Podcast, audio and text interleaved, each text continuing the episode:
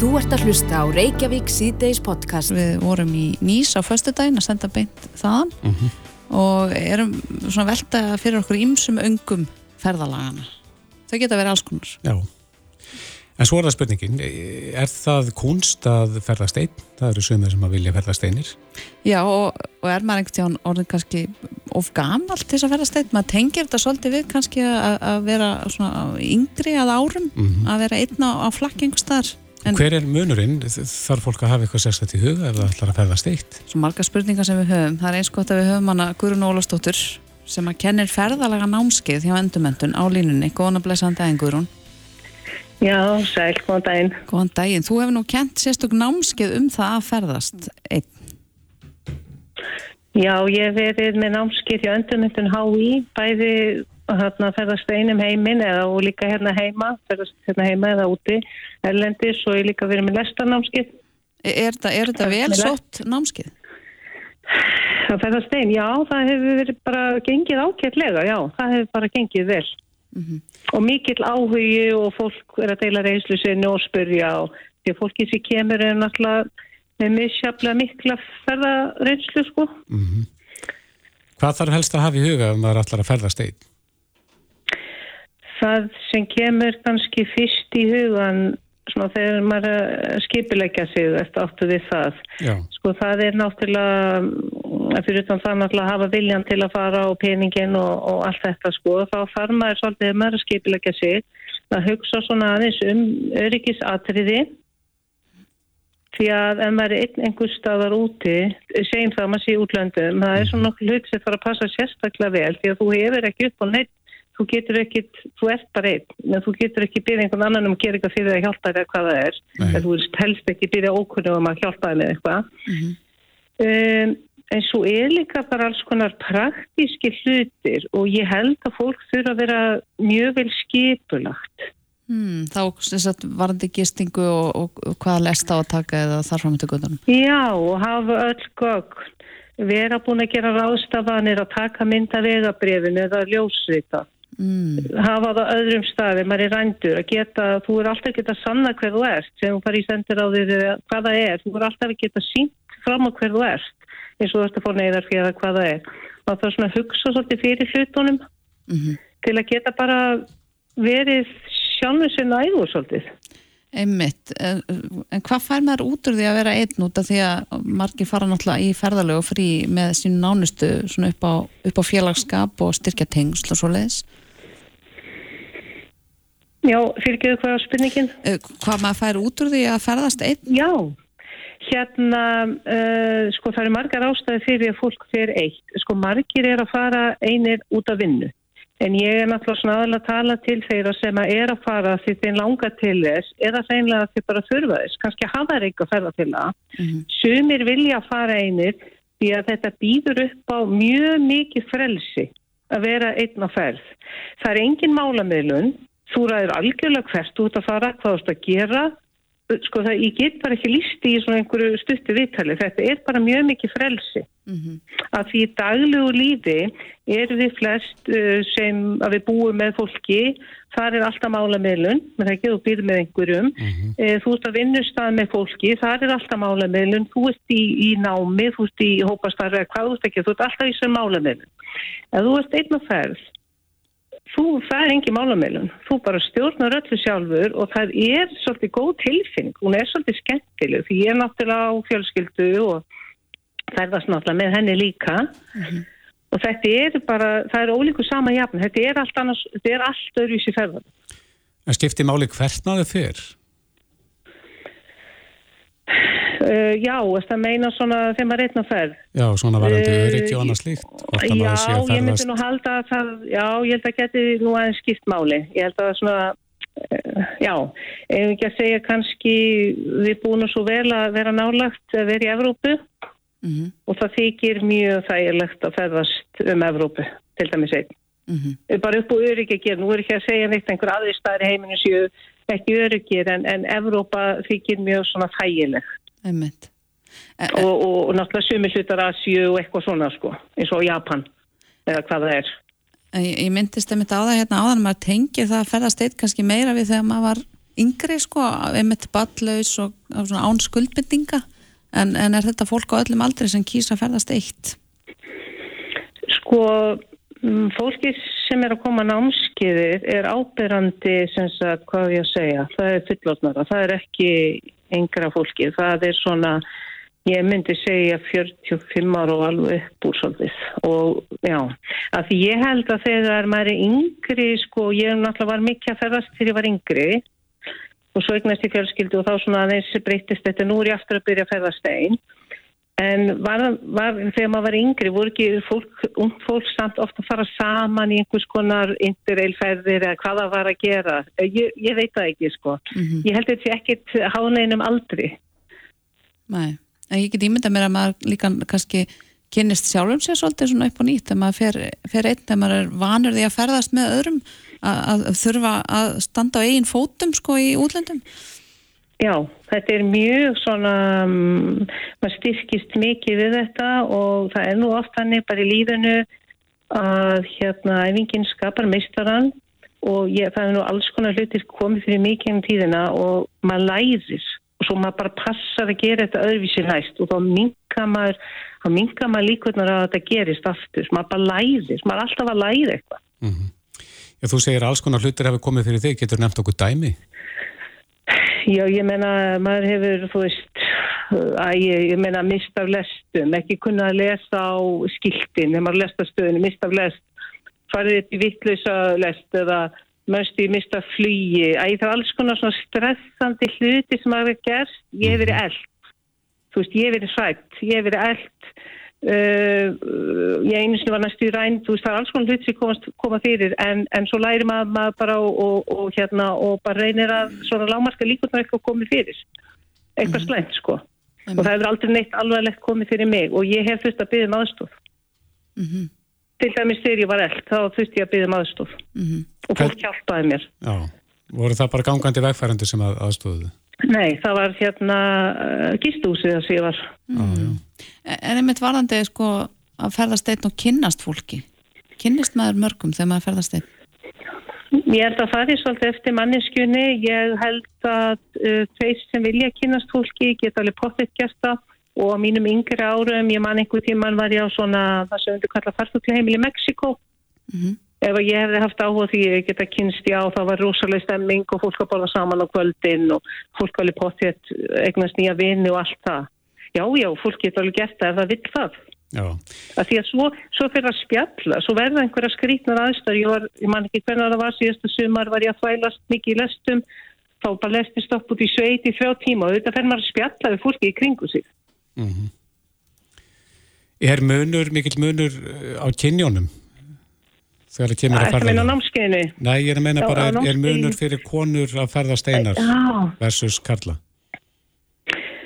Um, ég hef nú bara ekkit svo mikið hugsað út í þetta. Uh, ég bara eiginlega veit það ekki. Kanski finnst, kannski finnst einhverjum konum þar verið ekki alveg öryggur eitthvað. Nei, ég, ég bara veit það ekki. Nei. Það er svona sömu, sömu lagmál sem að gilda bæðum Karla og konur. Já, ég myndi nú bara halda það. Mhm. Mm Að svona heilt yfir þá mæluru með svona ferðin? Sko ég held, já ef þetta hendar einstaklingum, ef þeir fá einhverja gleði út úr þessu, sumir vilja bara vera í hóp. Og svo nefnilega sumir sem er að ferðast, þeir vilja ekki þurfa skipilegja sjálfur að hafa mikið fyrir þeir vilja bara hafa engar ágjur ekkert fyrir að hugsa um þetta. Og það er fólki sem fer kannski svona hópferði, skipilagarferðir mm -hmm. en ég til dæmis, ég rekst mjög illa í hópi á ferðalögum, þannig að það henda mér ekki. Þetta bara fyrir eftir hvernig típa maður er. Og ég held að séu miklu fleiri eða sko miklu fleiri sem að myndi líka það að ferðast einum en einir en er að gera í dag. Ég held að fólk séu svolítið svona híkandi við þetta, það er að mhm. miklu þetta fyrir sér. Þetta er algjörlega kannski rífa plásturinn af og prófa. Já og prófa og fara kannski bara kannski bara einhverja stuttaferð mm. það er nú bara ef við fyrir utan náttúrulega Ísland Ísland er náttúrulega algjörlega frábært eh, ferðarland en eins og til dæmis bara það er alveg ótrúlegt að komast bara til Skotlands og sjá fegurinn að það þetta land bara rétt hjá, bara svona sér dæmi. Mm -hmm. maður þarf ekki að fann eitt rosalega langt sko. Hvena verður næsta námskeið hjá þér? Heiði það er búið að sitja það á hérna, það er í óttobér, það verður ferðast einn námskið 11. óttobér og svo verður lesta námskið í nóvember, sínist mér. Nei, mitt, þá getur maður að undirbúa sig fyrir uh, komandi ár á ferðalöfum. Já, Já, þetta er flott, þetta eru flott ráð. Uh, Guðrún Ólastóttir sem kennir einmitt ferðalarnámskið hjá Endumöndun. Takk hellega fyrir spjallið. jú, bara velkomið. Bless, bless. Ok, já, bless. Þú ert að hlusta á Reykjavík C-Days podcast. Inga Sæland og uh, Sigmundur Davík Gunnlússon eru mætt til okkar, velkomin. Takk fyrir. Já, takk fyrir. Við ætlum að gera þessu upp uh, þingveturinn. Hvað, svona, ef við byrjum með því Sigmundur, hvað stendur upp úr núna þegar að þingi er lokið? Já, það sem stendur upp úr er annars vegar hversu óveinuleg þinglokkin voru. Þau bar brátt aðeins, sem má segja, vegna þess að starfsáallunin gekk nokkurn veginn eftir.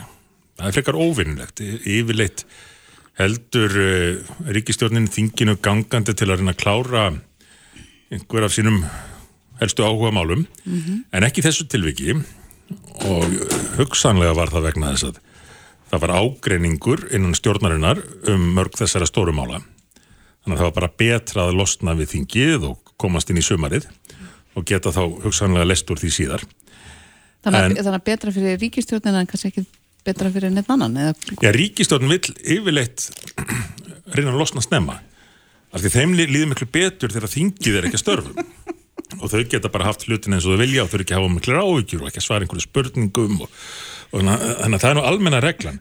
En þó eru oft einhver mál ókláruð sem ríkistjórnum vill klára en, en í þessu tilviki sem betur fer, verði ég nú að segja, þá tókst að koma í veg fyrir það og það voru þarna ímis risamál sem að voru ekki kláruð.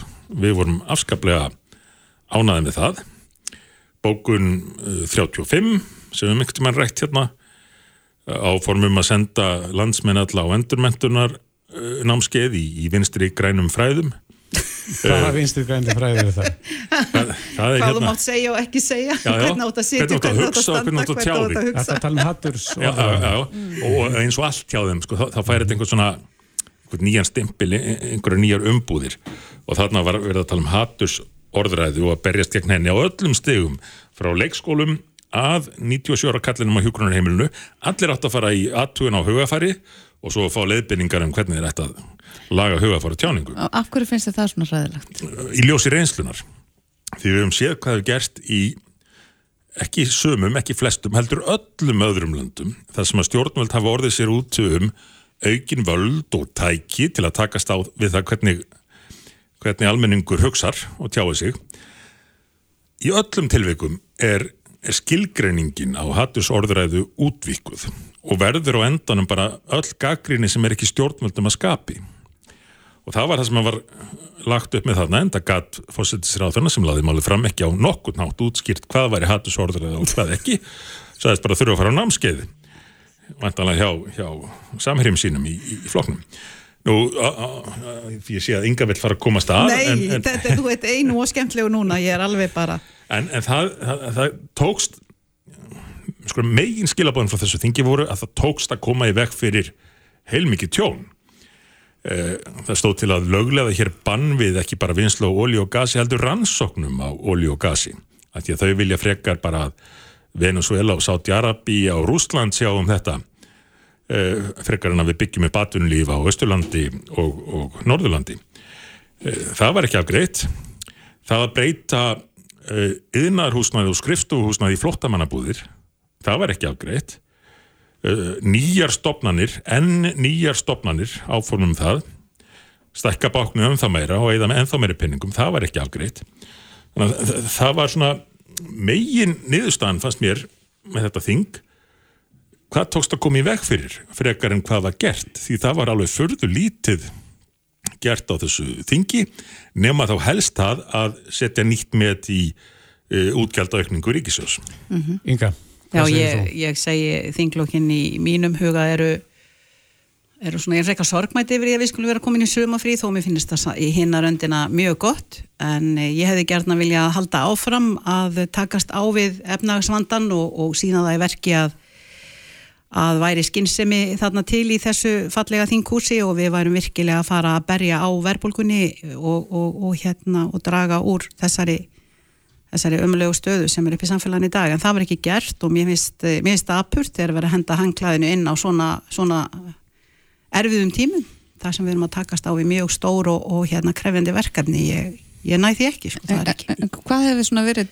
draumurinn þinn? Draumurinn minn er náttúrulega að ráðast að verðbólgunni, gera eitthvað það sem að verða að gera vel eins og spánverður konum með verðbólgunan í 2,9%. Þeir, þeir, þeir, hún rínur hjá þeim verðbólgu, hvað eru þeir að gera öðruvís en við? Við erum alltaf að finna pjóli, við erum svo frábær, við erum svo klár.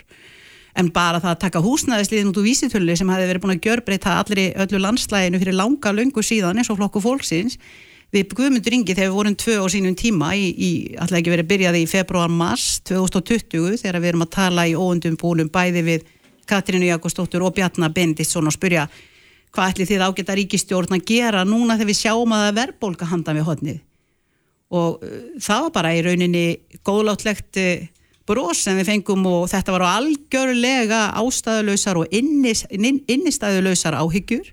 Hér væri allt í blóma og, og ekkert sem bendi til þess að að væri vona á, á neinu sem að hétti breyting á, á stöðuleikanum í efnaðarslífinu hér bara drýpur smjöra hverju, hverju strái og það er einhvern veginn það, það er bara hangið í því eins og hundar á róði jáfnvel þó að, að, að það séu allar fórsendur sem benda til þess að, að það sé bara ekki rétt En hefur verið nóg að taka bara húsnæðislegin úr vístölu? Nei, nei, nei, nei, það hefði ekki átt að koma til dæmis krónutölu og hækkanir núna í janúar, það hefði ekki átt að hækka bensinlítri nýju krónur, þá ekki að ráðast að samfélaginu með þenslu skapandi aðgerðum eins og gert var. Þá að koma til móts við fólki í landinu, þá að aðstóða fólki í landinu til að takast á við þetta. Ekki bæta á brúsana eins og að gert. Nú peningamagni umferðir, ég held að við aukið það um 22% hérna á einu ári. Var bara farið að prenta peninga, nú Sælabankastjóri sagði það nú í COVID, hérna ég held að í grein 2020 að nú væri bara ekkert framundan annað en að prenta peninga og það sem það þýðir, hér er ekkert annað framundan en verbulga. Ég held þessum alveg sammála um þetta og ég held að Inga sér sammála mér um það sem ég og örgla hún líka uh, rættum undir lokin að það ætti bara að nota síðustu dagana til að búið til plan, alvöru plan til að takast á við þetta Ég er ástand. sammála því. En uh, Inga, ef við reynum að líta björtu hliðarnar. Taktu lagi, taktu lagi, við erum orða björtu hliðar. Fyrst að þau eru hægt, eða ekki bara líta það sem ákveðin varnarsigur, því að þau hefðu haldið áfram, þá hefðu bara unnið en það meira tjón. Gætu verið, Það hefðu gætu bara verið. haldið áfram að bæta í vandan. Nema þau hefðu farið að hlusta á okkur. Já, og Hver eru það- líkurnar á já, því? En ég litlar. réttinga, þið finnst ekki við hæfi að þingi fari frí á meðan ástandi er svona. Nei, mér finnst það ekki að hæfi. Það tekur ekki undir það, Sigmundur. Jú, algjörlega, ég, ég, uh, að Þó ég skilji hvað Sigmundur er að meina því lengur Já. sem við höldum að, að, að störfum þann inni að þá munuðu bara að vinna meira tjón það það sem að Sigmundur Já, segir já, um- sko, ef við hefðu gert eins og við lögum til og, og bara nota síðustu dagana til að takast á við það sem að er ekki hægt að kalla annað en neyðar ástand og við, þau hefðu geta haldið þingjunum gangandi alveg stöðut og nefndunum að vinna úr og ég laði nú til að, að ráþeirarnir, hvort sem það var ríkistjórn eða ráþeirarnefndir, fengi bara til sín bestu sérfæðinga og innu fram á nótt gætu pantað pítsur eða svið á kostnað skattgreðenda en þau þyrftu að koma með lausnir og þá myndi þingið vinna með. Ég gerði ekkit ráð fyrir að þau myndi þykja lausnir frá einhverjum öðrum. Nei, ekki sé fyrir daginn, já. En, en þau hefðu allavega átt að sko, á, gera sér grein fyrir stöðunni og, og nýta síðustu dagana á eins langan tíma á þyrti til að bregðast viðinni, frekar en að senda samfélagin í sömarið í, í þessu ástandi. Er, er það En bara verið við- að sópa vandamálunum myndi teppið? Já, já, og, og svo byrtist þessi fjármálaðallin. Já, það er það sem ég ætla að segja. Við sjáum Nei, það náttúrulega bara hérna berlega já. tvískinnungin sem að byrtist í fjármála áallin. Hér er einhver flugeldasýning um allt hvað eina sem á að gera, alveg frábært og frábært og, og svo er þetta mun betur endurunnið efni heldur og nokkuð tíma mjólkufernuna sem ég hef vaskað upp hérna síðustu tíu árin og, og, og er svo verið að brenna, brenna á uh, án þess að, að endurvinna þær. Akkurat. Þannig að, að Sigmundur, við getum líka verið saman um það að það er eitt sem er alveg snild og það er Guðlögu Þór, hann ætlar að láta þessa aðila sem eru búin að láta íslenska skattgreðendu greiða fyrir endurvinnslu á, á því sem hefur öfurlega verið brunni, brend, hann ætlar að láta borga það tilbaka. Já, þú veist að segja mér þetta hérna frammi, ég hafði ekki heyrt á þessu. en, en Guðlur með þó þetta. segir svo sem ímislegt, sko. hann ætlaði að verja skerjafjörðin og flugvöllin en, en svo bara eru gröfurnar að fara að stað og hann segir, ég, ég hef engin völd til að gera það sem ég sagðist alltaf gera. En, en sko, Ég við verðum að trúa þessu, ég ætla að trúa Já. þessu, ég ætla að trúa þessu. mikil er trú þín kona, Já, en, já. en, en vonandi. Svona bjart sín og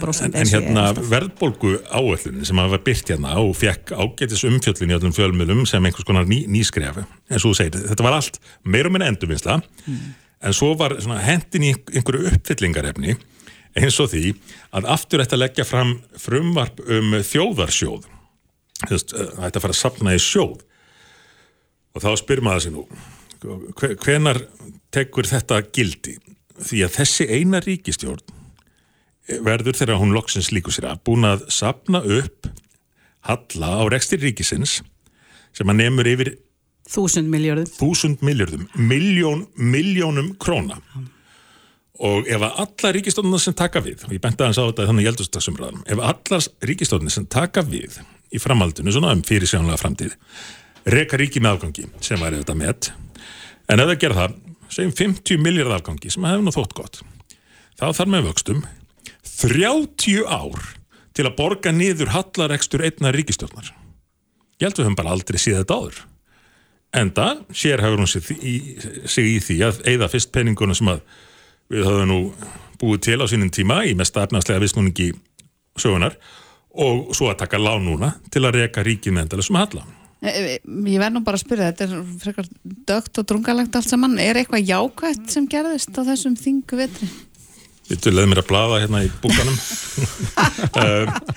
Herði, það, það jákvæða er það að við gátum þó mist kosti sínt það undir lokin að, að ná, ná saman um það að að klóri ekki augum hvortur öðru þarna undir, undir restina þegar að þau áttuðu svo á því að það loga allt stafnan á milli í áríkistjórnar heimilinu þannig að þeim, þau náðu ekki saman um neyn mál til þess að Já, setja inn. það má segja að deilur þeirra hafi leitt til almenna já- sáttur já, já, já, þannig að, um að þannig það, það var svona Já, en inn, þingið mér átti samanlega það ekki í september.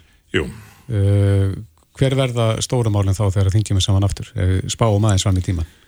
Þetta óttast maður að þau komi aftur með það sem að eh, þau voru búin að vera að vinna og þannig tóku sér ríkistjórn við. Eh, Fyrst en hún tók við, þá var meiri hlutin af málunum sem þau lögðu fram á sínum fyrsta þingi, mál frá ríkistjórnun á undan, bara einhvað sem kerfið hafi verið að vinna að. Og það er það sem ég óttast að verði niðurstaðan aftur núna, fremur en það komi einhverjar alvöru lausnir, en við munum fá einhverjar síningar, við munum líklega fá enn fleiri glæru síningar um hversu margar nýjar íbúðir er að byggja. Ég held að síðasta talan hafi verið 35.000 nýjar íbúðir sem að borgarstjórin og innveðar á þeirrum kynntu saman. Uh, og svo kom í ljós að það er reynda samdráttur um 65% í byggingur nýra íbúða. Þannig að við getum fengið nýja glærusýningu 40.000 íbúðir kannski eða 50.000, ég veit ekki hvað það verður og svona einhver atriði eins og hérna að því horfi nú yfir lögadalinn út úr glukkan hjá okkur eins og þeir eru tilkynnt um eh, þjóðarhöllina kostningahöllina nokkrum dögum fyrir borgastundarkostningarnar hún var ekki með neitt í hendi með það. Svo endur tókuðu sýninguna á meðan á HM í handbóltastóð og sögðu að þjóðarhöllin, kostningahöllin verður opnundi rétt fyrir næstu alþingiskostningar svo byrtist fjármálaállun ekki króna í þjóðarhöll. Nei. Nei, nei, mér, ég- mér langar að koma það sem ég óttast að við Mér langar að koma smá jákvæðni sko líka eh, sem er alvöru jákvætt og það er að við skildum ná saman um það að hækka ekki laun aðstu embatismanna og, og, og ráðamanna þjóðaranna meira heldur en raunberi vitnu 2,5% en eh, ég var samt sem áður búin að koma með þingsáleiktun sem að var að koma inn í þingið um það að við tækjum enga hækkun, bara 0 krónur, ekki bara að leiðrætta það um næstu áramót eða þar næstu heldur þegar þessi ríkistjórn uh, hefði í rauninni unnið það verk að ná jafnvægi í, í, í þjóðabúskapnum, í efnagasmálunum, þá hefði, þá hefði mér fundist þér að bragur á því að, að væri komin röðin að okkur því að við eigum nóg. En, uh, Er ekki alltaf verið þið hækkið eins og aðrir? Já, en sko á þessu tímabili þá erum við náttúrulega eins og við vitum, við erum að ganga í gegnum kjara, það eru kjara baráttur og annað slíkt og við verðum náttúrulega að senda skilaboð, við verðum að senda skilaboð, við erum tilbúin að ganga og undan með góðu fordæmi.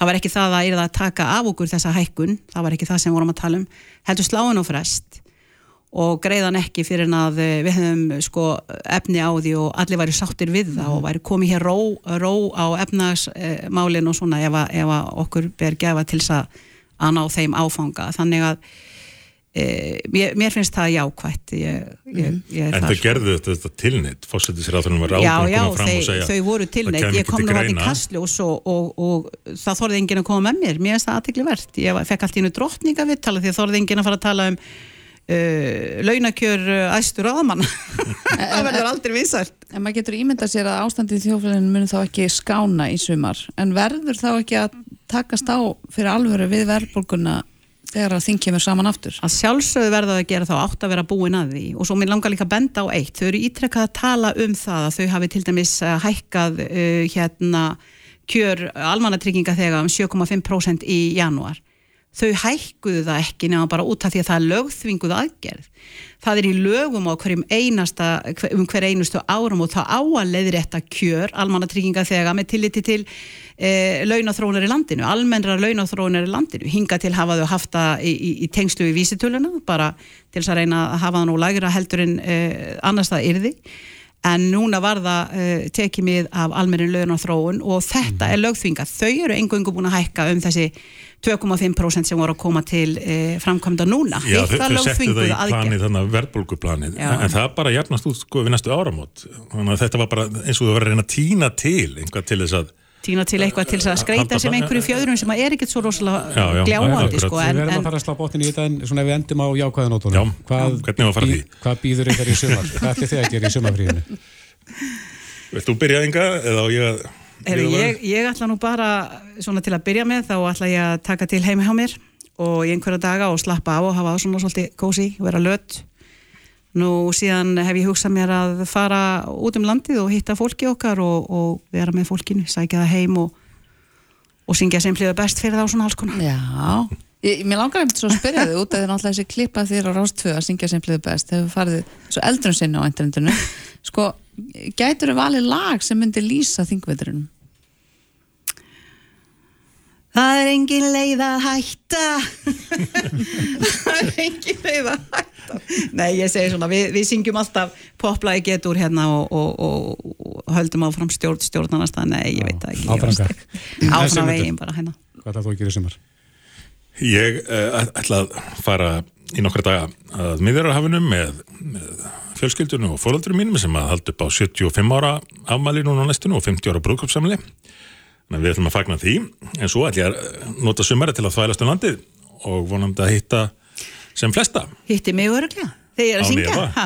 Nei, ég er að fýblast í... Eða auðvitsist tónleikar, þá mæti ég. Já, já, já, ok. Eftir að hafa heitt þig syngja tínu törnir. Það getur kannski verið saman í bíl, svona upp á umhverfisvendar svona með að gera. Upp á gömul kynni, upp á gömul kynni, en gömul kynni kleif. Við hefum prófað áður. En, já, svona til að ljúka þess á jákvæðnótunum eins og þið byggðum, eðlilega þó að sé allt í raugli þá er hægt að laga þetta allt saman og það er hægt að gera það bísna hratt en Já, til þess þarf algjörlega nýja stefnu og nýtt fólk í brúni mm -hmm, Inga Sæland, formaður flokksfólksins og Sigmund Davík Gullarsson formaður miðflokksins. Takk kærlega fyrir spjallið og góða skemmtur í sumar. Takk fyrir okkur sem leiðis. Þetta er Reykjavík C-Days podcast. Þetta eru sýstur mm -hmm. og nýja lagi með þeim en uh, nú er 12. júni í dag komið fram á mitt sumar, myndi ykkur segja? Já, allavega viðsvegarum heimin er komið fram á mitt sumar. Já. við erum svona kannski ennþá aðeins í vorinu hérna. Já, svona veðurlega síð Veðurlega síð En það er spurning eh, hvernig ferðarþjónustan er að taka móti okkar eh, fólki eða fólki sem að hinga kemur? Já, það verðist vera eh, engin skortur á verðamönnum allavega hér á landi. En hann er sest hérna hjá okkur Jónis Þór Skúlason, frangatastöri samtaka ferðarþjónustunar, velkomin Er það ekki svolítið rétt mat? Það er engin skortur á ferðamennum? Það er ekki skortur, nei, ég held við getum verið sammálum það. Þetta hefur farið virkilega vel á stað varandi eftirspörninu núna eftir faraldurinn, eh, bæði fyrra og svo áfram núna þessu ári og svona frekar orðið vart við það að einhverju telja að þetta verði allt og margir á þessu ári en ég held að ég geti nú alveg reynda að, að slaka á þeim, hérna, þeim áhyggjum. Ég held að við verðum bara með afar passlegt magn, við tókum við held ég um 2 miljónum ferðamanna 2019 og ég held að svona miðið það hvernig árið hefur þróast hinga til og hvernig bókarinn að standa þá held ég að það með stefni í svona 2,12 á þessu ári mm. Var 2019 metár? Nei, það var 2018 sem var metár sem voru 2,3 miljónur og þessu náttúrulega fylgir þegar við förum svona rætt upp aftur, náttúrulega mjög eðletta fólk finni fyrir því, það voru engir ferðamenn hérna í tvö ára að gera og mm. svo allt í henni núna komið söpaða fjöldi og var og þá er ekkit skrítið að fólk takki vel eftir þessu og, mm -hmm. og kannski hafi áhugjur á þetta að þróast á hratt en, en við höfum oft bent á það að við, við gerðum svo ansi margt gott á tímanum frá 2015-16 til uh, 2019-20 varðandi til dæmis bara fram, fram, framkvæmta sjóð ferðamannastaða, landsáallunum uppbyggingu innviða, uppbyggingu á áfangastöðum, e, margir muna eftir klósettmálunum, það er búið að laga þau á stórum hluta landsins, það er svona hér og þar sem að þarf að skoða það, nú er umhverjus á þeirra að fara að skoða það á, á friðum svæðum og í mm -hmm. þjóðgórðunum, þannig að veist, við erum sífælt að vinna þessa hluti og við þurfum að gera það og þetta er vissulega það sem að bara ferðamannastaðir um allan heim þurfa að að horfa á alltaf og vera sífælt að bæta. Þannig að þessi umræða sem var einmitt fyrir COVID um innvið uppbyggingu á kannski ekki alveg við núna er þetta að meina það að það er búin að gera, gera hans sem marg? Við erum alls ekki í sömu stöðu núna og við vorum kannski á árunum 2015, 16, 17 og 2018 jafnvel þegar, að, þegar að við erum að fá þennan með fjölda. Núna erum við í rauninni miklu sterkari stöðu varandi alla innviði e, á stöðunum sjálfum. Við erum búin að átt okkur betur á því hvenar þarf að reynilega bara loka einhvern stöðum eins og til dæmis fjárgljúri þegar, þegar það er, ég held að allur bransinn og stjórnstöðvarnar þar að segja stofnarinnar eru búin að átta sér betur á því hvernig þetta funkar allt saman, þetta þýðir ekki að við séum búin að ná öllu einhvern veginn eins og það á eða þarf að vera, en við erum búin að læra alveg ofbóðslega mikið og getum verið bara svona sem þjóð ansi stolt af því hvað við höfum náða að gera mikið á skömmum tíma Mm -hmm. En það hefur verið mikil umræðum skort á húsnæði. Hvernig Já. stendur ferðarþjónustan gagvart gistingplási? Það, það er náttúrulega flókið mál. Það er annars vegar þá náttúrulega gisting og hins vegar húsnæði fyrir starfsfólk mm -hmm. maður hortir til. Eh, við þekkjum öll náttúrulega bara staðan á húsnæðismarkanum almennt er mjög erfið. Eh, þetta blandast líka náttúrulega inn í það þegar við erum að horfa fyrirtækilins út á landi utan höfuborgarsvæðisins að þau þurfa þegar þau eru að, að fá fólk hvort sem er hér úr, úr Suðvesturhóttinu eða Erlendis frá sem er náttúrulega tölvert mikið mm -hmm að, að finna húsnæði fyrir það fólk og það er mjög erfitt á, á sérstaklega minnistöðum e, utan höfuborgarsvæðisins en hefur verið flókið hér á höfuborgarsvæðinu líka e, bara vegna þess að húsnæðismarkaðurinn er erfiður. Utan höfuborgarsvæðisins blandast inn í þetta að, að markaðurinn þar hefur verið erfiður fyrir húsbyggingar e, og, og kannski eftir of litlu að slæjast fyrir þá sem að, fyrir verktaka aðra sem hafa verið að byggja húsnæði til þess að selja og, og það er svona lítið kannski gerst á mjög mörgum og bara stórum svæðum utan höfborgarsvæðisins, lítið verið fjárfest í húsnæðið og það er að koma okkur í koll núna og, og er að standa uppbyggingu fyrir þrefum á atvinnutækifærum ekki bara í ferðarþjónustöðeldur í, í öllum atvinnugreinum í rauninni sem er verið að reyna að byggja upp á, á landsbygðinni sérstaklega. Mm -hmm. En þetta er eitthvað sem að náttúrulega við vonumst til þess að, að ríkistjórnin muni taka á sveitafjölu eins og myndarlega á og það er nú einhver plön um það sem við vonumst til þess að gangi eftir en, en það þarf að halda verulega þetta á spilunum þar til þess að bæði náttúrulega bara fyrir íbúa landsins og ekki síður þá fyrir altunum fyrirtæki sem vantar uh, húsnæði fyrir starfsfólki sitt. Mm -hmm. En svona samgöngu hlutin um, eins og vegakerfið okkar sko, sem að við erum nú ekkit alltaf neitt sérstaklega ána með? Nei, það stendur sér nú samt að mörguleiti förðu vel. Það er eitt sem að ég heyri stundum í þessu að að sko umferð bílalegu bíla sé orðin svo mikil sko að það hljóta sljót, slíta þjóðvegunum mjög mikið. En ég stundur svolítið gaman að því þess að rifja það upp að vegagerðin reiknaði það út og gaf út núna fyrir nokkur mánu síðan að, að sko einn þungaflutningabíl sem að nú fara allir þungaflutningar eftir vegunum, við erum hægt hérna strandsiglingunum sem voru í gamla dag, nú fer allur fiskur og vöruflutningar og allt þetta fer eftir, eftir hérna þjóðvegunum okkar og, og nú erum við að horfa á það fara að gera mala svona, hérna, efnistöku hafur seg og fyrir ofan þorlásöfn og þar og alltaf þetta fara eftir vegunum. Vegagerðin eh, reiknaði það út og gaf út að, að einn svona bíl slítur þjóðvegunum hjá okkur eh, sveipa mikið og tíu þúsund svona bílalegu jarisar þannig að það er nú ansi fleira heldur en ferðarþjónustu bílarnir sem að þarf að horfa á, ekki að segja að þeir slíti ekki neitt en við þurfum kannski líka að horfa á það að þessi umferð hefur líka aukist gríðarlega vel þannig að innviðinir þeir eru náttúrulega þurfa að spila undir þetta allt saman og það er ímislegt kannski sem við þurfum að fara að horfa á til dæmis eins og hvort að vegakerinn þarf að fara að nota annað efni í vegina sem ekki slitnar jafn hratt ekki er að valda jafn miklu tjóni á til dæmis bílum, bílum og, og, og, og bara bílum almennings í rúðubrótum og öðru mm -hmm. þannig að, að það er svona ímislegt svona sem að við þurfum kannski þegar að við þróum sem samfélag bæði vegna ferðarþjónustu og, og annars konar e, uppbyggingar og atvinnustarfsemi sem að breytist og er allt öðruvísi núna heldur nú var fyrir 20 árum síðan mm -hmm. marganhátt að vera fljótari að þróa samfélagið og svona hvert við setjum peningana og hvernig við horfum til framtíðar í uppbyggingu á, á ímsan máta, svona í þessum innri kerfum okkar. Mm -hmm. Ef við komum að þess að húsnæðin aftur, mm.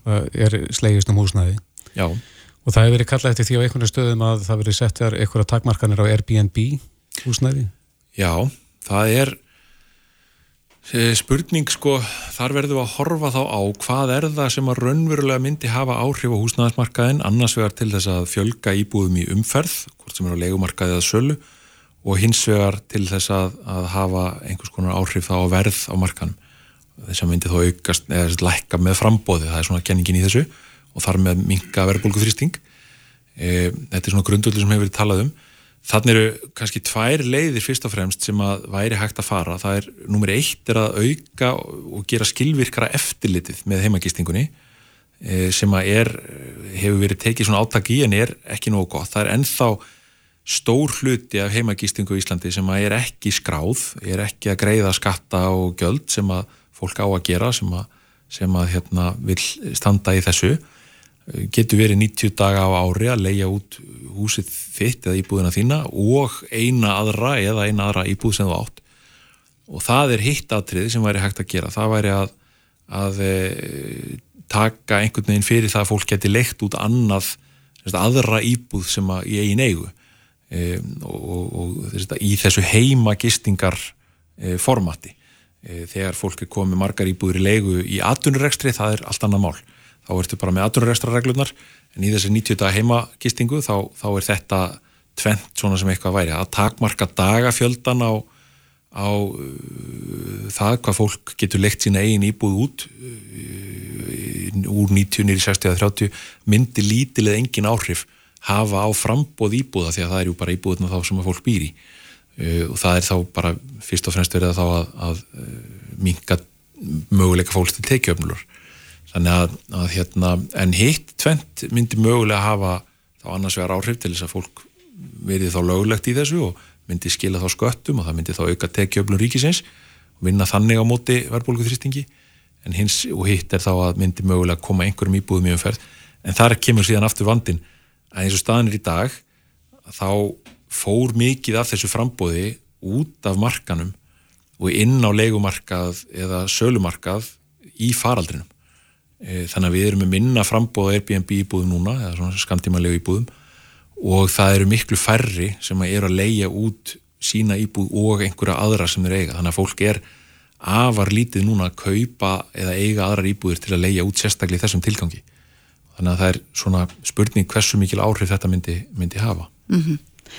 Þannig að það þarf þá bara að byggja meira Það er náttúrulega það sem við komum að alltaf í grunninn. Það þarf að byggja meira, það þarf að losa um regluverki þannig að það sé hægt og hagkvæmar að byggja meira og minni íbúði sérstaklega og e, það er það sem við verðum að sjá. Þessi sveitafélögin verða að, að taka til sín það sem þau eiga í loða útlutun og, og öðru slíku e, og e, ríkið verður að íta undir kvatana til þess að það sé meira byggt og þar geta mögulega fyrirtækin þá komið inn í til þess að grýpa þá þá möguleika og að ganga inn í að byggja íbúðir sem að þau geta síðan notað eða þá að kaupa íbúðir eða ég vil skuldbinda sér til að kaupa íbúðir sem að þá verði byggðar.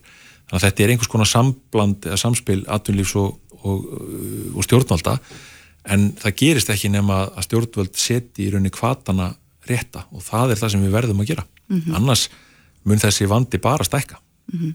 En hvernig gengur að manna stöður í ferðarþjónustunum? Gengur betur enn í fyrra og e, við erum ennþá með afar þjætta samkeppni á EES-svæðinu um starfsfólk. Það vantar ennþá millir 8-10% fólks í, í ferðarþjónustu eða starfa í ferðarþjónustu í, í, í Európu og Európusvæðinu. Þannig að það er samkeppninu sérstaklega um hæft fólk eins og kokka, sérmentaða leðsögumenn og fleiri e, þjónustu fólk mjög hörð og þarna spila inn í líka bara samfélagsbreytingar sem hafa orðið á í gegnum faraldurinn. Og ímislegt sem að við kannski sjáum ekki spilast út nema kannski næstu 35 árum. Og, en það hefur gengið aðeins betur núna og, og hérna en það, þetta er samt flókið. Og það sem er kannski einna eh, já, svona lífsegasta vandamáli þarna hugsa ég núna og verður áfram er að, að Íslendingarnir sem að, ef að segja, fólki sem að hefur hér heimili, það geta verið af íslensku eðlendubergi brotin, sem að búa hér og, og eh, fór úr atvinnugreininni á meðan faraldurinn stóð yfir í óbyrnberstörf sem að svo sem engan skal undra, það er starfsöryggi og sambærileg kjör mörguleiti að það fólk kemur hægt tilbaka inn í enga geiran, hvort sem það er ferðarþjónust eða aðri geirar. Og þannig að og þess vegna höfum við náttúrulega þurft að leita meira eftir erlendu starfsfólki og þá verður samkeppnum hæft erlend starfsfólk uh, svona, hún, hún er erfið. Þannig að ferðarþjónustan er í hardri samkeppnum starfsfólk við hið ofinbæra? Já, ég held að við getum alveg, alveg sagt það og ég held að enga markaðurinn er í töluvert mikill samkeppni við hið ofinbæra um starfsfólk eh, um, um þessar myndir og hefur verið en, eh, en þetta, er, þetta er svona eitt af þessum áhugaverðu viðfánsefnum sem að sem við glýmum við svona sem samfélag hvernig, mm -hmm. hvernig búum við til eh, áhugaverð eh, vel borguð og eh, störf sem að fólk getur náð starfsframægi og sér fyrir sér að vera í til framtíðar og þetta er auðvitað áskorun fyrir okkur í ferðarþjónustunni eins og allar aðrar atvinnugreinar. Mm -hmm. En varandi það að einhverju segja að það séu hér of margir ferðarmenn? Mm -hmm. Það er mhm. náttúrulega, maður heyrir það út í samfélaginu, það er náttúrulega líka leðsögumenn sem hafa, hafa opnað sig um það og svona á samfélagsmiðlum og hérna í viðtölum hér á þessari stöð. Þannig að það er ekki að hlusta á þær öndir Jú, við hefum alltaf að hlusta á svona umræðu. Við verðum hins vegar að hafa hana á þeim grunni að það sé svona einhver, einhver röggrann hugmynd á bakveðana það er að segja, við getum hugsað ég hef þá tilfinningu að það séu allt og margir hérna. En það er kannski ekki það sem við hefum að leggja til grundvallar. Eh, þar að segja, til dæmis eins og ég fer á þingvelli á einhverjum ákveðnum tíma klukkan 2 á þriðu degi þegar það eru þrjú skip í Reykjavík e, og þá náttúrulega er bara allt stappað fólki á þingul en svo komum við kannski tveim tímum síðar og þá er eiginlega tómt. Þannig að ég hef sagt þetta til dæmis gætnan e, þegar við erum spurðað þessu líka bara e, fjölmjölu meðlendis og, og hér í stjórnmálumræðan og fleiri stöðum. Ísland á ekki við svona massa túrisma vandamála stríða eins og, eins og til dæmis eða yfir túrisma eins og eins og hefur við talað um í borgum eins og Feneum eða Barcelona þar sem að mjög mikið er að fólki á mjög litlu svæði. E, við erum með land sem er 103.000 km en við eigum þó við alveg sömu vandamála stríða eins og margir aðrir soliðis áfangstæðir þar sem að við erum með svona e, yfir fylli á ákveðnum tímum ákveðnum stöðum. Og við því er hægt að vinna með mörgum leiðum Það er að segja, það væri náttúrulega hægt að setja um einhvers konar stýringu þar sem bara ákveði margir geta farið en það, það þarf þá að vinna það frá þeim grundvelli að fá til dæmis umhverjastofnun til að meta það með ásamt til dæmis þjóðgörðum eða öðrum sem að þar til bærir eru og aðtunlífunu um það hvað er hægt að gera. E, við getum líka horta á það sem við höfum verið að gera að opna nýja segla annar staðar á landinu. Bæði getum við hort til staða eins og stöðlagils fyrir austan sem að er að gera það verkum að fólk er að ferðast frekar austur á land og verja þar lengri tíma e, e, við getum hort til markasetningar til dæmis eins og markastofa Norðurlands hefur verið að gera á, á demantsringnum í, e, hérna hjá Húsavík og Dettifoss Ásbyrgi mm -hmm. ferðamannaleiða eins og Norðustrandarleið e, svæða eins og Vestfjörða og uppbyggingar þar sem að geri það verkum þá að við seljum í rauninni þessi svæði og segjum, heyrðu þú ert búin að fara á gullfoss eða ekki? Eða þú kannski þarft ekkert að sjá gullfoss og geysi það eru líka afskaplega fallir áfangastæðir annars þar á landinu, komdu á Norðurland og eittu tímanum þar og ef þú kemur aftur þá getur þú komið á Suðurlandið. Já. þannig að það eru ímsar svona leiði sem eru vel þekktar í þessum bransa sem við erum að vinna og, og eins og segja áfangastæðastofunar og, og e, fyrirtækin hafa verið og Íslastofa afar dögleg við að, að færa sig yfir í þetta og þetta gerist á svolítið tíma. Þannig að Við spurningunni hvað getur við tekið við mörgum ferðamannum sem er stundu spurt, þá segi ég það er, er afstæðspurning, það er engin einn tala. En ég segi þó, við verðum og eigum, og það vil svo til að við höfum, að hafa það markmið saman, atvinnugreinin og stjórnvöld og bara almenningur í landinu, að auka virðið og verðmætin og lífsgæðin sem að samfélagið hér byggir upp á grundvelli þessar atvinnugreinar, ferðarþjónustunar, en ekki hafa það markmiði að móka hérna inn sem mestum fjölda. Nei. Við verðum að vara okkur á því og sem betur fyrir þá eru eins dag allir sammála um þetta markmið. Mm -hmm. Verðum að setja punktin hér, Jóhannes Þór Skúlarsson, framkvæmtastjóri samtaka ferðarþjónustunar. Kæra þakki fyrir komina. Takk fyrir. Þetta er Reykjavík C-Days podcast. Íslindikar hafa nú í gegnum tíðina held ég vel flestir verið stoltir af ramagninu.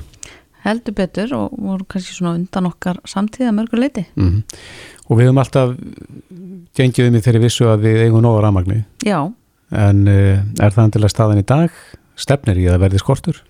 Já, heldur betur, við heyrum fleiri og fleiri fréttra því.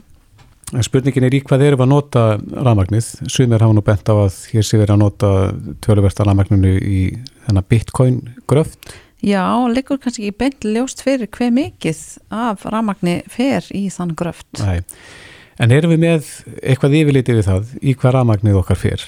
Einmitt, á línunni er Halla Rund Lóadóttir, orkumálstjóri. Góðan að blessa hann daginn, Halla. Sæl og blessuð.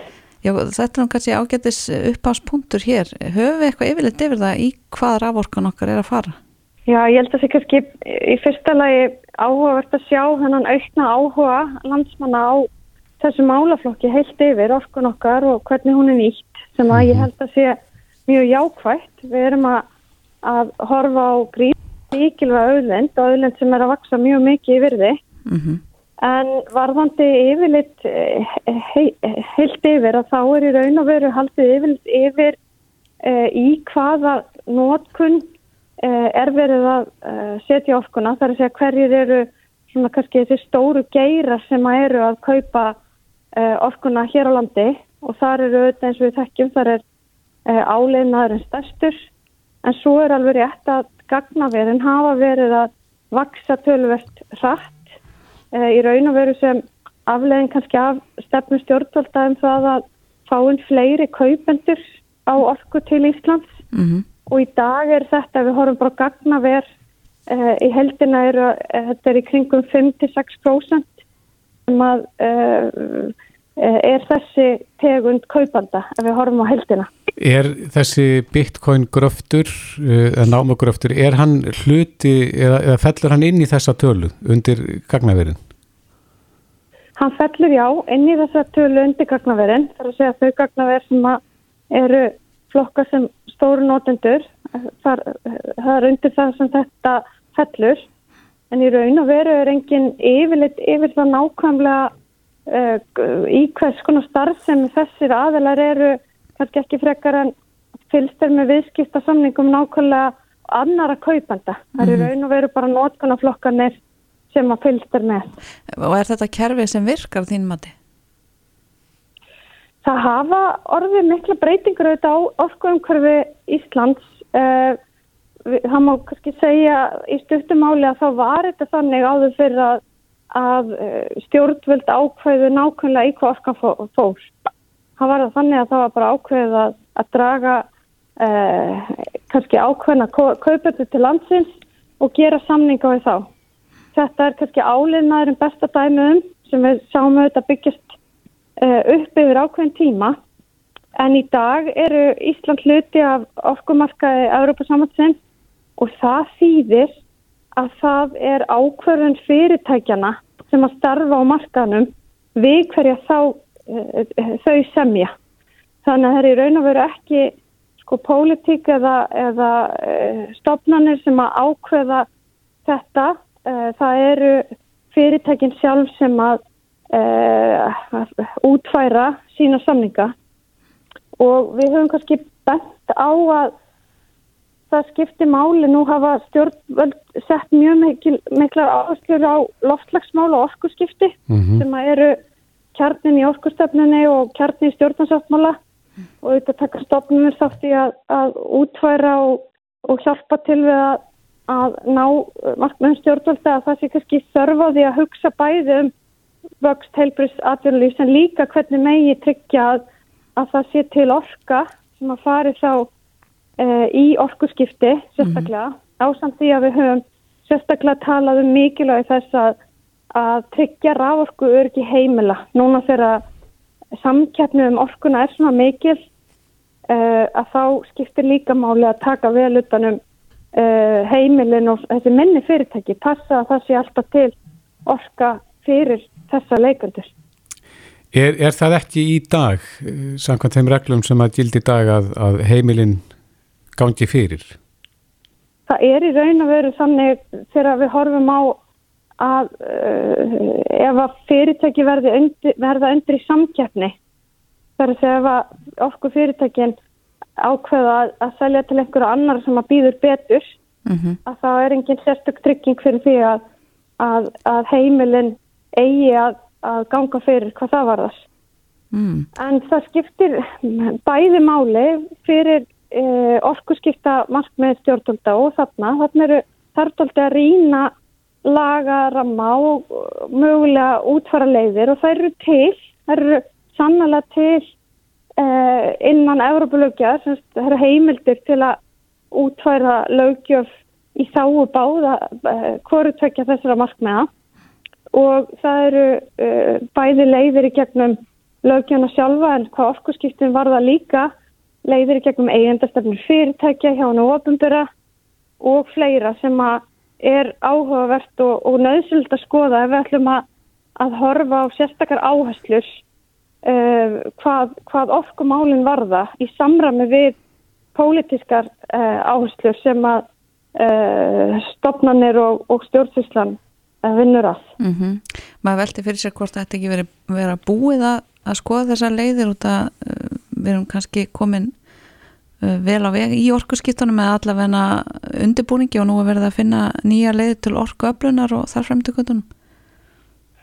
Já, þetta er allavega mikilvægur tímapunktur að hugsa þessa hluti og við rættum þetta þetta á ásundunum okkar núna fyrir helgi meðal annars í samingi við það að, að til dæmis ef við horfum til uh, Norex að þá hefur verið uh, áhersla það að byggja upp vindorku á landi og núna hafi og það er mikilvægt, uh, mikilvægt að horfa á orku, varðandi orkuskiptinu og annað en þar til dæmis hefur 70% af nýri framlegslu farið til stekkunar yðnar en ekki í raun og verið til orkuskipta.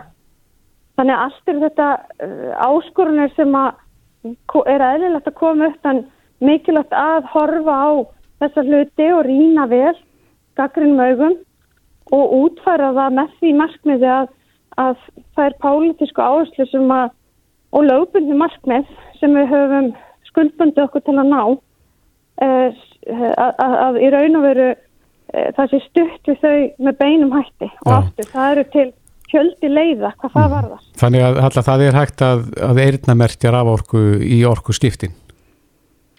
Já það er að skapa kvata, það er að setja eigendastefnur, það er að útföra lagaumgjör til að styðja það. Á sama tíma og ég held að sé líka mikilvægt fyrir okkur Íslandinga að horfa á tækifæri sem að tengjast nýttni, uh, horfa á það að tengja fluttnískerfið okkar betur og horfa á möguleikana sem skapast eh, varðandi snjallmæla væðingu og annað sem að geta gert okkur eh, kleift með tæknis og gerðugrind og, og svo framvegis að besta kerfin okkar. Því að auðvitað er alltaf best ef við náum að, að fá sem mest virði fyrir sem minnsta nýtingu mm. því að mhm. við erum í auðlinda nýtingu til að uh, þjóna samfélaginu í dag og um alla framtíð. En við hefum líka verið Íslandinga stoltir af því að rafmagni hefur verið ódýrt hér til tullega með við, við annar staðar sem er eitt af því sem hefur gert kannski það segju byggilega að það fólk vilji búa hérna Serðu fyrir þér að rávorkan komið til með að hækka eitthvað að ráði á næstu árum eða missurum? Já, það skiptir máli í þessu samengi emmitt að, að tryggja rávorku öryggi almennings og þar, þar lendir orku frambóð til almennings þegar að samkjafni um orkuna er mikil. Á stíkalegu verði?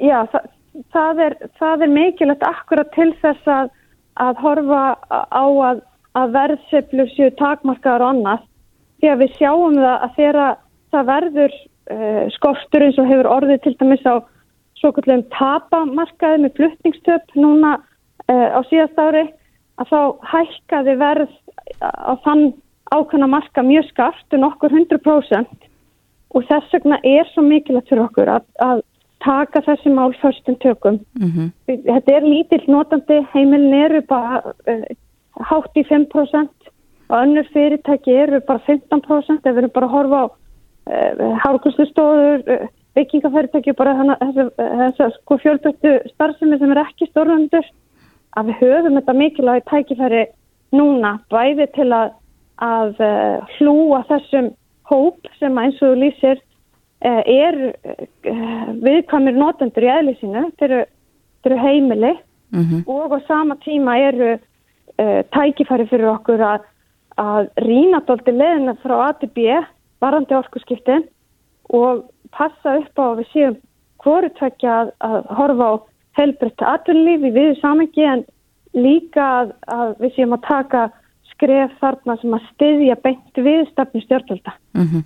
Og tímapunkturinn er núna til þess að koma þessu öllu í, í gott horf. Akkurat. Mm -hmm. Einmitt það, við höldum áfram að fylgjast með raforkunni Hallarhund Lóðadóttir Orkumálustjóri. Takk kærlega fyrir spjalli. Takk fyrir. Á Bilginni podcast. Eflust margir í fríi núna, einhverju er stipuleikja frí Já. og, Og, ennaður er búnir. og fríin, sérstaklega börnunum, verða ansið löng. Já, Það þarf að finna svona hitt og þetta til þess að hafa verið stafni. einmitt. Og svo sér maður fólk í fríum á samfélagsmiðlum og gerir sér alls konar væntingar um hvernig sumafrí verði. Mm En uh, það er kannski hægt að vera einhvers konar væntingarstjórnum þegar, þegar kemur að sumafríum. Já, það þarf að reyna það. Ingrid Kúlmann, hún skrifa grein e, sem að byrstist inn á vísi.is í dag, listin að slaka á og njóta sumafrísins. Já. Kannski ekki allir sem kunna það. Nei, hún er sestinni hjá okkur, velkomin Ingrid. Takk fyrir. Hljómar einfalt og mann finnst eins og ég bara fylgja því að vera í frí að slaka á og njóta en það er kannski ekki það sem að flest, eða margir upplifa eða hvað. Nei, það eiga margir bara mjög öðrugt með að, að sleppa og fara í frí og sem ég segja á vinnustöðum það þarf sko að gefa sum bara það verkefni að fara í frí því að fólk á erfitt með að skilja verkefnin eftir og vera ekki í stöðu sambandi og fylgjast ekki með tölpóstum alla daga og þetta er auðvitað eitthvað sem þarf að skipulegja. Hvað tekur það langan tíma að komast í frí? Það að Já, með vinda- tala um sko nokkra daga og ekki nóg með það, það tekur okkur, þess vegna er ekki gott að taka bara eina viku, vegna sem þú ert í nokkra daga kúplaði frá vinnunni og svo ert í nokkra daga undirbúið undir það að mæta aftur til vinnu, þannig að þá- þá byggist aftur upp stress og, og, og svona, og þannig að það er gott að taka lengra sömafrí, það er það sem rannsóknar hafa sínt. Þannig að við þurftum kannski að lögbinda lengra Já, það var góð hugmynd. Hvað, hvað ætti það að vera langt svona Já, allavega þrjár vikur, Þrjár vikur? þannig að, já, lámark? í einni beitt. já. En svo er þetta einmitt með væntingarstjórnina. Það eru Já. vantalega einhverjir að- að skipleggja sumafríið og eru með svona ákveðnar væntingar um hvað verið dásamlegt. Já, Þar maður að búa sindur að verði kannski ekki allir dagar dásamlegir. Já, þetta er kannski pínu eins og með jólin. Þá á jólafrið og jólin eiga alltaf líka að vera fullkomin og allir í góðu skapi, allir gladir en svona er bara ekki raunveruleikin þannig að það er kannski gott að stilla væntingarnar af. Og eh, við erum oft líka auðvitað eh, að bera okkur saman við fólk eins og nefndir á samfélagsmiðlum sem er kannski að, að upplifa hefð fullkomna frí og þá sjáum við myndir af fólki í kannski fallífastökki eða fólk fer í þyrluferð eða snorklingastæð í Kyrrahafinu.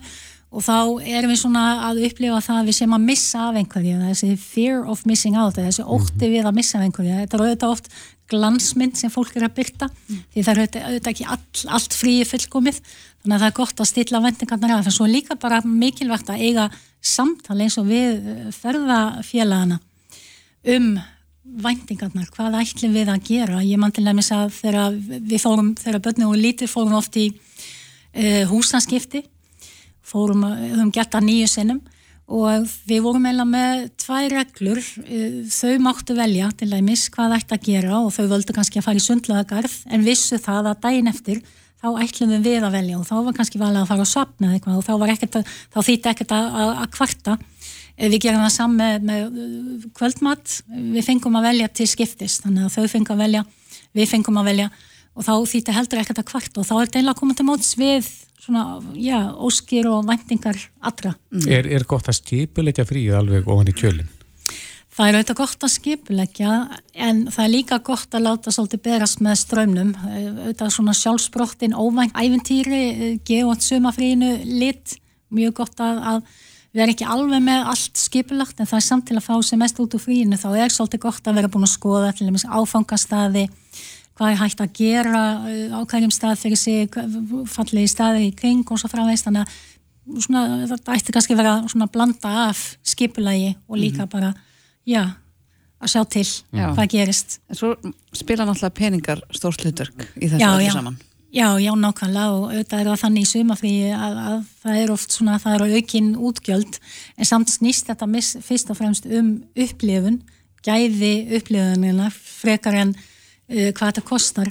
En auðvitað þetta er svona einn af þessum streitu völdum þegar að fólk fer í frí, það er sem sagt fjárhags, uh, já, áhyggjur en líka bara skipulagið, það er flókið að skipulegja Eh, það þarf að samhæfa, það þarf að koma til móts við væntingar marga, það eru mismundi aldurshópar og mismundi væntingar og mismundi áhugamál mm -hmm. sem að þarf að koma til móts við. Þannig að, að þess vegna skiptir samtalið svolítið máli. En það getur verið, já, fyrir ekki getur verið að það sé ofmikil samverða stundum? Að svona undir lokfrísins að þá sé fólk vera að býta þessum hvert að vera Já, já, nákvæmlega, það er náttúrulega það sem gerist í sumafrínu, við erum að verja meiri tíma saman og við þurfum að koma til, til móts við alla þessar væntingar og þetta er auðvitað eitt af því sem gefur lífinu gildi, við, við sjáum það til og með í rannsóknum að stærsti einstakki þátturinn þegar kemur að hamingju, áhrifa þátturinn er samvera sagt, mm. með ástöðunum en auðvitað geta það verið þannig eftir þryggja vikna sumafrí að við erum kannski bara búin að fá nóga af ferðarfélagunum mm -hmm. þannig að þetta er allt svona já, maður þarf svolítið að taka til til, til aðra. En ég veldi fyrir mér með þegar maður finnur fyrir því að komin eitthvað spenna í hópin Hvað á maður að gera? Hvernig er best að meðhandla þær aðstæður? Það er náttúrulega fyrst og fremst bara þessi vendingastjórnun að setjast bara niður og, og bara til og með hvað vilt þú fá út úr sumafrínu og ég mynd til og með segja að mér langar að, að geta borða morgumat og, og hálfdeismat og kvöldmat úti, ég mér langar að vera berfætt, mér, mér langar að skoða skemmtilega staði, mér fannst til og með frábært í fyrra þegar við fórum til Portugal að skoða hvernig korktappar uh, verða til, hvernig korktré vaksa og hvernig ferðlið er allt saman. Því það er líka það sem gerist í frínu, við lærum eitthvað nýtt, við aukum við okkar þekkingu og lærum eitthvað nýtt. Þannig að svo getur ferðarfélagin kannski verið með aðra vendingar, vil kannski frekar slaka á og lesa góð bók og vera ekki mikið á ferðli. Mm -hmm. Þannig að það er kannski fyrst og fremst bara samtalið að taka svona gott samtali um hvað okkur langar til að gera. Og semja. Og semja. Mm -hmm. Mm -hmm. Já, og, og, en þegar maður finnur fyrir þessum útöndanóta eins og þú tala um fear of missing mhm, out, mhm, óttið við að mhm. missa af einhverju hvernig hvað maður að gera ef maður finnur fyrir honum? Já, það er náttúrulega góð hugmynd eh, bara almennt í sumafríðina að það er ekki mikið að skoða samfélagsmiðla því að það er eitt af því líka sem að sko, fólk fer aldrei almennlegt frí eða er að fylgjast með tölubóstum og fær allar þessar tilkynningar frá Facebook og Instagram og Snapchat og hvað þetta heitir allt saman. Þetta, þannig að eitt af því er bara einfallega að vera ekki að skoða þessar myndir en líka að það sem er kannski fullkomi frí fyrir, já, þér er kannski ekki fullkomi frí í mínum huga, þannig að við eigum ekki að bera okkur saman annað fólk. Við komum yfirleitt illa út úr samanbörðunum við eigum kannski að gera fullt af skemmtileg hlutin sem að sem að, að, að einstaklingur sem er að posta glansmynd á Facebook er ekki að upplifa. Mm -hmm. Og kannski líka ágætt að hafa í huga sumt má líka bara upplifa en ekki alltaf í gegnum síman? Nákvæmlega, mm -hmm. nákvæmlega. Það er nefnilega mikilvægt að vera á staðnum og njóta og ég teki eftir í að leysugumenn sem er að fara í svona norðaljósa ferðir, þeir tala oft um það sko þegar það er farið í, í rútu og svo stoppað og þá kemur hann að viðkomandi með þrýfót og, og stóra linsu og og fjárstýring og allt og, og að því að þá að fara að njóta norðanljósana í tölfunni heima í stað þess að njóta á staðnum, á staðnum nákvæmlega. Þannig að stundum ættum við líka að sleppa bara mittavelni og vera bara leið okkur að taka allt inn og njóta. Já og eins og segir kvíla samfélagsmiðlana í frínu. Já, mm -hmm. Já þetta eru góður áð. Já, mér finnst að ég mun fara eftir þeim, Ingrid. Gott mál. Ingrid Kólmann, kæra þætti fyrir komuna, við býðum bara til næsta písli. Takk fyrir. Takk fyrir komuna. Hlustaðu hvena sem er á Reykjavík C-Days podcast. Spurning Reykjavíkur C-Days er komin inn á vísi.is. Nú spyrir við, hefur þú lært stindihjálp? Já, endilega sværin á vísi.is og bylgjan.is og við erum komið á línuna. Hanna Hildi Vatnes Kristjánsdóttur, hún er sérfræðingur í skindihjálp hjá Rauðakrossunum. Góðan að blessaðan daginn, Hildur. Góðan að blessaðan daginn frá Akureyri. Já, hvernig er veðrið? Það er einstaklega gott, þetta er þetta að hitti. Nei. Jú, ég er eina af þeim sem að hérna býja á höfuborgarsæðinu og ákvaða að hérna leggja liðmina í vinnuferðandar á Akureyri. Sér það ekki eftir því? Alls ekki, alls ekki. en í vinnuferð, ertu þá að kenna skyndi hjálpa á Akureyri? Uh, meðal annars, en starfið mitt fælst uh, meira í því að vera sest, í svona þróunavinnu mm. og sjáum raun að vera um málaflokkin og málefnið skyndhjálp fyrir mm. auðgrósin sem er á samt landsbjörgu leiðandi í skyndhjálpar uh, málefnum á Íslandi. Mm -hmm. e, e, þurfum við að vera dugleri að læra skyndhjálp og leita á svona skyndhjálpar námskeið reglulega? Um, Rauðukrossin í raun og veru og mitt mat er að uh, skyndihjálp er eitthvað sem að, að við lærum alla æfi og skyndihjálp er alls þar og börn geta tilöka sér skyndihjálp og ferðnaþekkinguna allt nýri fimm ára. Og nú ætlum ég bara að varpa fram hérna þessar spurningu. Ef þið ættu að lýsa einu orði hvað skyndihjálp er, hvað myndið þið segja? Lífsbjörg. Ég hugsa bara um, ég veit ekki akkur ég hugsa bara um hjartanóð. Já, og skyndhjálpanámskeið snúast einmitt um það að færa fólki uh, þetta sjálfsöryggi í að veita í raun og veru mjög, að beita mjög einfaldri ferni og þekkingu í erfið maður og skyndhjálp er í raun og veru bara alls og aðstof sem við veitum um, þeim sem var lendi slisi eða bráðumeikitum og hún getur verið allt frá því að setja plástur og hugga í því að eins og þið segið vera lífsbjargandi og, og hérna þurfa að veita endurlíkun mm. í hjartanæði. En hvaða aðstæður eru algengasta sem að fólk finnir svo í þar sem að skyndihjálpin kemur á góða nótum? Sko, í raun og veru það getur verið hvað sem er en það sem kannski skyndihjálpa þjálfun einblýnir sérstaklega og er sérstaklega algengasta og þá horfum við til eins og, og hjartáfall, endurlíkun, uh, heilablófall, alls konar, alls konar slis og þetta er, þetta er svona, hvað segja, þetta er frekar opin spurning og maður getur, maður getur eiginlega bara sagt allt. Og við getum öll, ef við svona rifjum upp í minningabankunum þá hefur við öll einhver tíman annarkvort þurft á skyndihjálp að halda eða veitingum skyndihjálp. Við erum nú mikið að, svona, á ferðaböksunum hérna er ekki að sýtis og, og sumarfrísböksunum og það er náttúrulega bara staðreind að núna í, í sumarfríi þá eigða foreldrar til dæmis miklu meiri tíma með börnunum sín með þeir gera svona vanalega og það getur ímislegt komið upp á er, veistu hver eru svona algengustu slisin sem gerast bara inn á heimilun? Um, inn á heimilunum, það í raun og veru eins og sumrin. Sumrin eru þessi slísamánir og algengustu slísin gerast úti við og það er alveg, það eru við Íslandingar, við bara um leið og, og góða veri kemur og, og þótt að sé ekki nema smá sól, þá förum við út.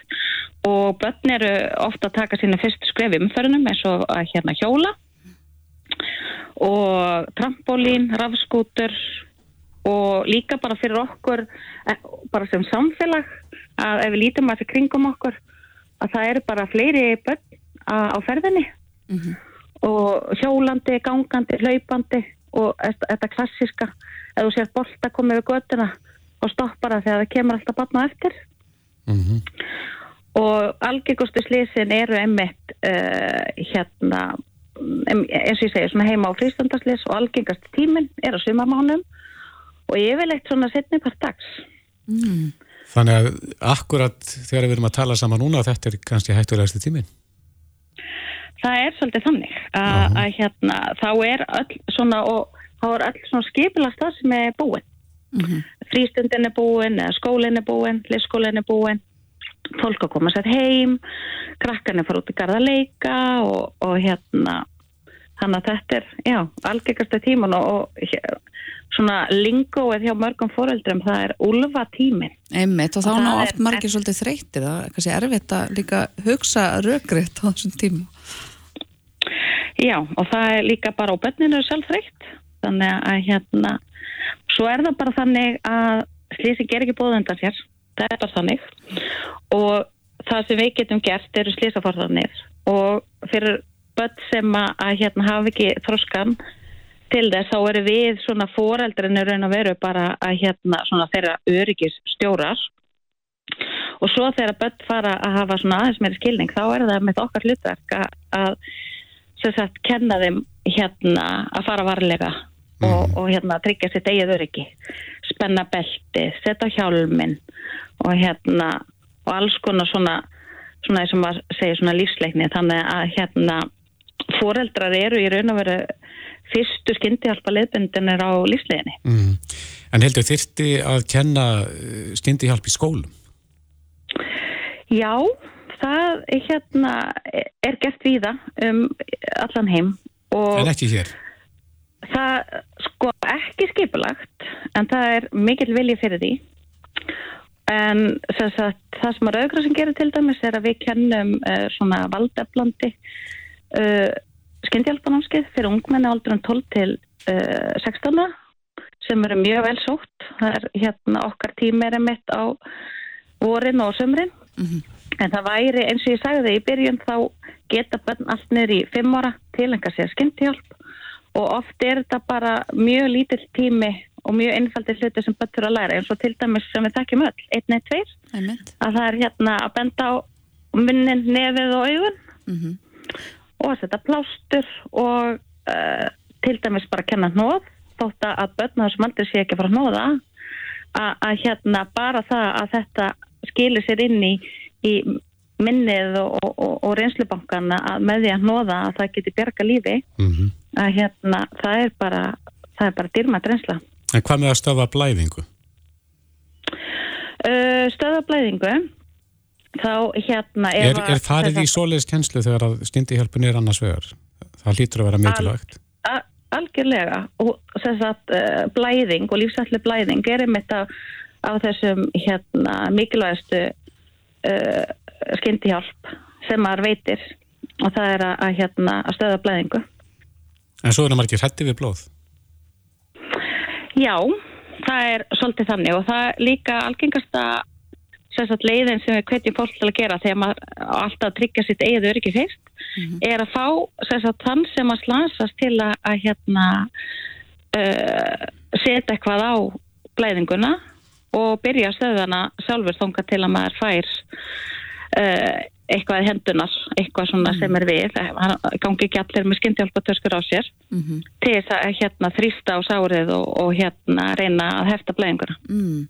Ég, ég veldi líka fyrir mér, Hildur, út af við erum svona svolítið að tala um, um börn, þau setja alls konar upp í sig, eins og við þekkjum um, þannig að það getur eitthvað fest í hálsi en svo eru þau líka að setja alls konar bara, ef við tökum sem dæmi að ég var að búið slím á hann. Og það er lím og veist, ef að, að barnið mitt myndi sko, gleipa eða drekka hérna smá af lími, veist, hvað ámaður að gera?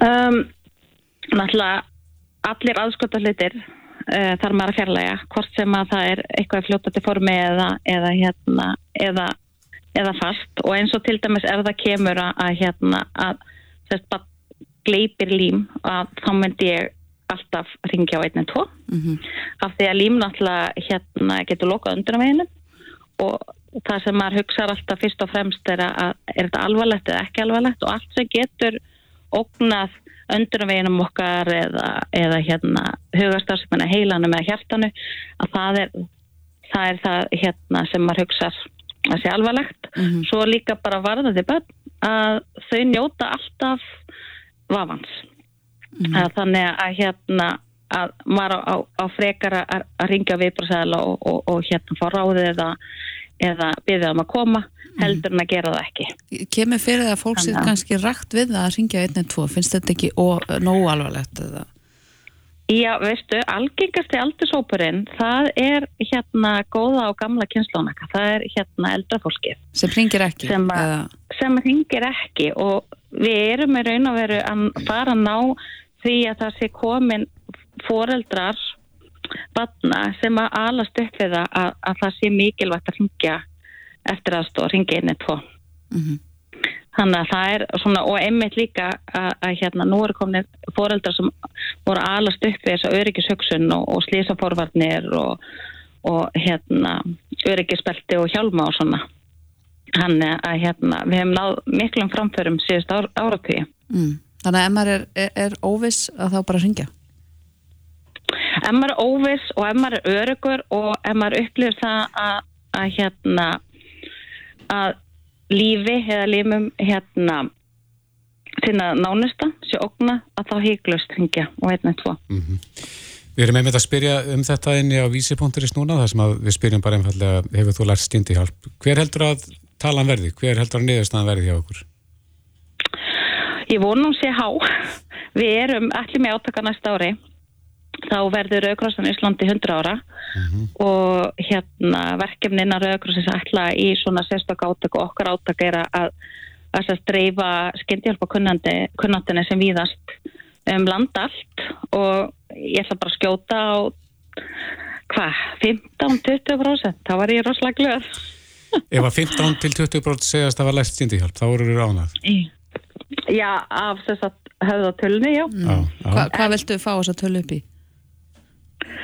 Sko, að allir einn á hverju heimili, einn í hverju fyrirtæki og einn í hverju skóla það er hérna markmið alþjóðraugrásins Það það verður- er alltaf einn á hverju stað. Já, Hildur, það verður spennandi að sjá niðurstöðun og þessari könnun á morgun.